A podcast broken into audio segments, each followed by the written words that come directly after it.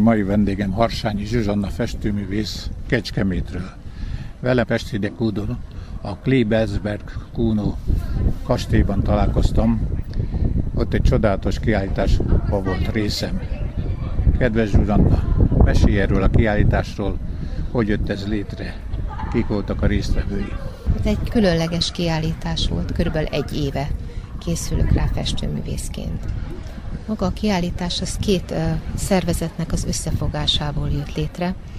Én a Kecskeméten a Kecskeméti Szent László Lions Klubnak vagyok jelenleg elnöke, és több mint 20 éve tagja. A másik szervezet pedig a Szent Vitus Alapítvány. Mind a két szervezet támogató szervezet, tehát jótékonysági céljai vannak.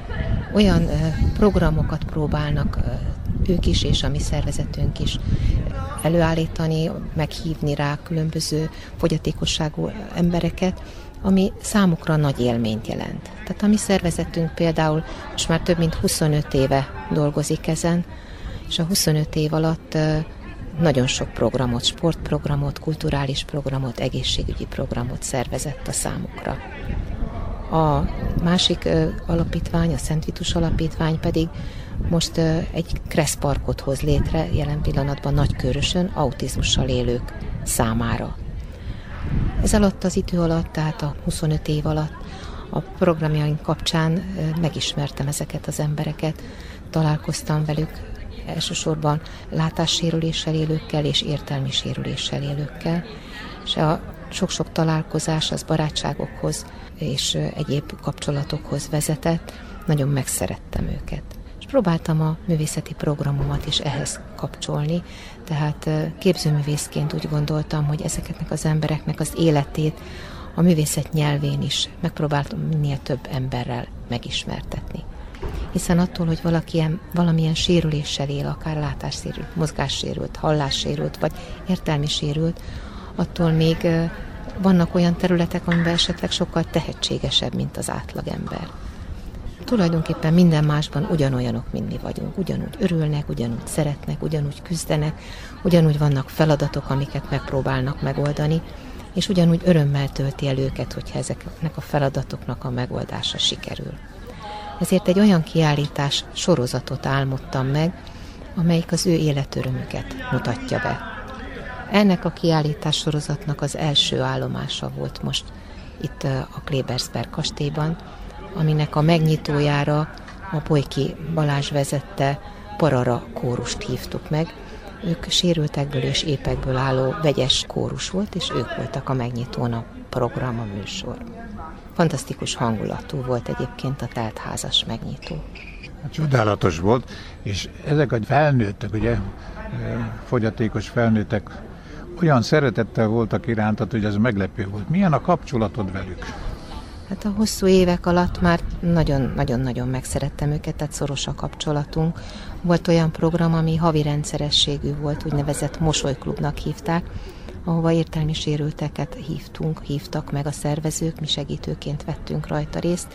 Nem csak a Lions Club tagok, hanem a fiataljaink, a Leók, ők középiskolás fiatalok, ők is segítőként vettek részt ezen a rendszeres rendezvényen. Itt aztán különböző olyan szabadidős programokat szerveztünk, amik kapcsán együtt táncoltunk, együtt versenyeztünk velük, tehát egészen szoros lett a kapcsolat. És ahogy megismertem őket, egyre jobban tiszteltem őket, hiszen az a fajta őszintesség, az a fajta szeretet, amivel ők egymás iránt és a idegenek iránt is vannak, az igen ritka. Tehát az emberek többsége tanulhatna belőle. Ezek a képek, hogy a te birtokodban vannak, mi lesz a sorsuk? Ezek nagyméretű képek, tehát életnagyságúnál nagyobb portrékat kell elképzelni, ami valamennyi a rajta levő ember vagy emberek, hiszen vannak páros portrék is közöttük, az ő életű örömüket, életük egy-egy pillanatát örökíti meg, és a szülőké lesz, illetőleg hát azokhoz a családokhoz kerülnek majd a képek, akiket ábrázolnak. Mi lenne a sorsuk aztán? Hát kétféle célunk is van. Egyrészt egy úgynevezett árveréses, örökbefogadásos árverést terveztünk, tehát egy különleges árverést, hiszen a képek nem kerülnek annak a támogatónak a tulajdonába, aki támogatja a két alapítvány munkáját. Viszont egy vándortárlatra szeretnénk ezt a kiállítást vinni, szeretnénk, ha minél több városban meg tudnánk mutatni, esetleg olyan helységekben, ahol a kiállítás kapcsán érzékenyítő foglalkozásokat lehetne a képek között tartani. És ezen a vándortárlaton az örökbefogadók nevét azt feltüntetnénk a képek alatt. Tehát, hogy mindenki lássa azt, hogy vannak olyan emberek, akik támogatják ennek a két alapítványnak a munkáját. De egyébként pedig a két alapítvány, hogy mivel foglalkozik, az a mind a kettőjüknek a honlapján napról napra abszolút frissen nyomon követhető. A Bolyki Gergelyeket azt te szervezted be, vagy hogy működik? Mert csodálatosan énekeltek, káprázatos volt, hogy ilyen fogyatékos emberek ilyen szépen énekelnek, és együtt volt ez a társaság, hogy ez hogy jött létre? Ezt a kórust, a Parara kórust Bolyki Balázs vezeti, illetőleg neki van egy B4 nevezetű formációja, ami a négy fiából áll, és ő belőle. A két kórus adta a műsor nagy részét tulajdonképpen. Az ötlet az az enyém volt ugyan, de nem én szerveztem, hanem a másik alapítvány, tehát a Szent Vitus alapítvány szervezte a teljes megnyitó műsorát amihez aztán kapcsolódott megkoronázásaként a műsornak Miklós Erika világhírű opera énekesnő is.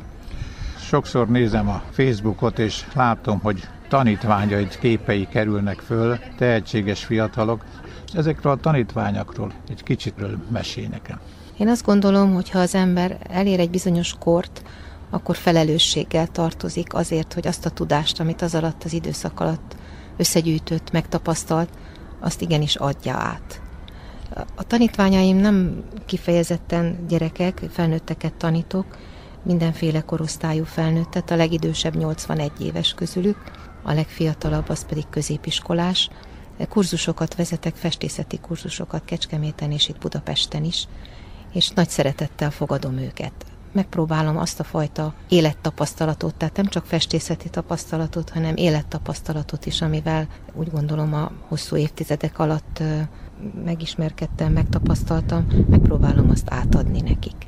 Nagyon szeretek tanítani egyébként, mert annál csodálatosabb érzés nincs, mikor látom az örömet az arcukon, hogy ők, ők saját maguk meg tudtak valamit csinálni, hogy az ő kezük közül egy csodálatos alkotás kikerül. Maga a munkafolyamat is egy öröm, de az eredménye az meg különösen. De most egy pár szót rólad szeretnék mondani, mert te a akvarel és a pasztelnek a nagy művésze vagy. Nagyon sok kiállításodat láttam, könyveid jelentek meg a pasztellel kapcsolatban, meg az akvarellel nagyon nagy sikerük van ezeknek a könyvek, tényleg oktatás jellegű, megmutatod magad, rengeteget adsz át ezzel is a utódoknak, a tanítványoknak. Ezt hogy élted meg, és hogy kezdődött ez, hogy te könyveket kezdtél készíteni? A tudás az szerintem akkor ér valamit, ha továbbadjuk. Tehát, hogyha magamnak megtartom, akkor valahogy nem, nem érzem, hogy annak, tehát, hogy eléri a célját. Akkor van értelme, hogyha ha minél több emberrel meg tudom ismertetni. Sajnos ismerek olyan művészeket, akik úgy gondolják, hogy ők ugyan meg nem mondják, amit ők tudnak, mert akkor konkurenciát teremtenek maguknak. Én nem így gondolom. Én azt gondolom, hogy minél többen részesülnek az alkotás öröméből, annál jobb. Mert azáltal, hogy, hogy a szépséget meg tudjuk mutatni, hogy észre tudjuk venni, hogy át tudjuk adni, ezáltal boldogabbak leszünk, és egy picivel is hozzá tudok járulni a mások ember boldogságához, akkor már, akkor már megérte az embernek élni. Hát igen. Kedves hallgatóink, Harsányi Zsuzsanna festőművésszel Meskó Bánk beszélgetett.